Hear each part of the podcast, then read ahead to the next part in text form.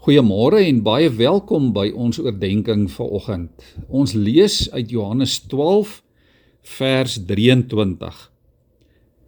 Daarop sê Jesus vir hulle: Die tyd het gekom dat die seun van die mens verheerlik moet word. Dit verseker ek julle, as 'n koringkorrel nie in die grond val en sterwe nie, bly hy net een. Maar as hy sterwe, dan bring hy 'n groot oes in. Wie sy lewe bo my liefhet, verloor dit.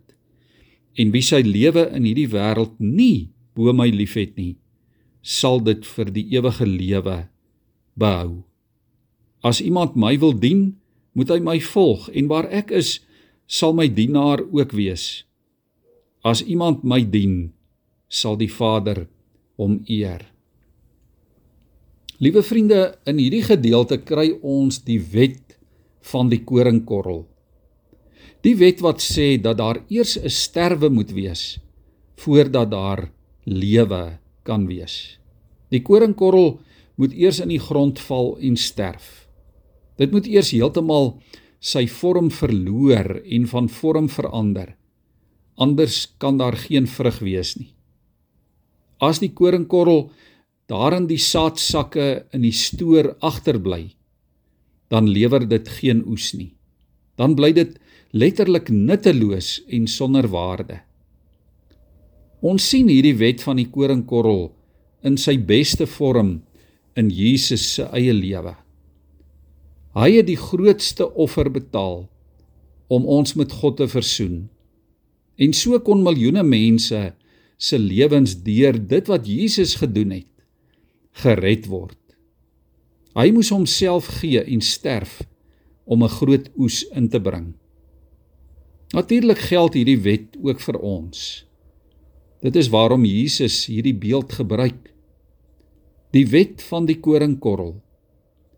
Ons kan baie maklik, liewe vriende, dink dat geloof nie regtig iets van ons vra nie. Jy moet maar net glo dat Jesus vir jou sonde gelei en gesterf het. Dis al. En jy moet 'n goeie lewe leef en jy moet jou nie met verkeerde dinge ophou nie. En jy moet kerk toe gaan of dalk nie. En dit is dit. Maar die Here kom en hy daag hierdie manier van lewe uit.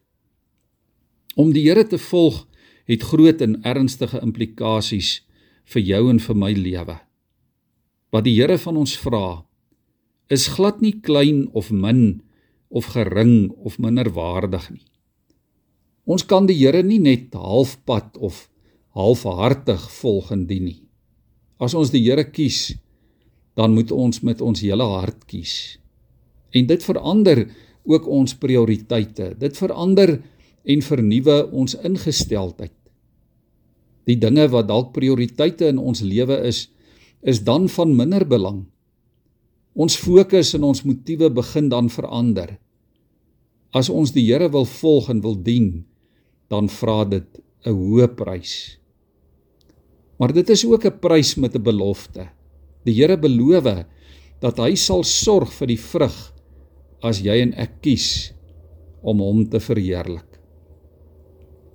Terwyl die koringkorrel daar in die stoor bly, ja, dan sal daar geen oes wees in jou en in my geestelike lewe nie. Jou gebedslewe sal stagneer. Jy sal allerhande verskonings en redes hê waarom jy nie by die dinge van die Here betrokke kan raak of betrokke wil word nie. Jy sal dan verwag dat die Here moet wees soos jy wil hê hy moet wees. Dat hy dan sal sê wat jy graag wil hoor hy moet sê. Maar as die koringkorrel in jou geestelike lewe in in die regte grond val en jy aan jouself sterf dan sal jy begin beleef hoe God in jou begin groei. Hoe sy gees in jou en deur jou begin lewe en sal jy vrug dra. Vrug wat Christus in jou lewe verheerlik. Kom ons bid saam. Here, ons wil wees wat U ons geroep het om te wees. En daarom is ons gebed, Here, dat U ons sal help om aan onsself te sterwe sodat ons meer kan word soos wat U is. Here maak die wet van die koringkorrel waar in elkeen van ons tot U eer. Amen.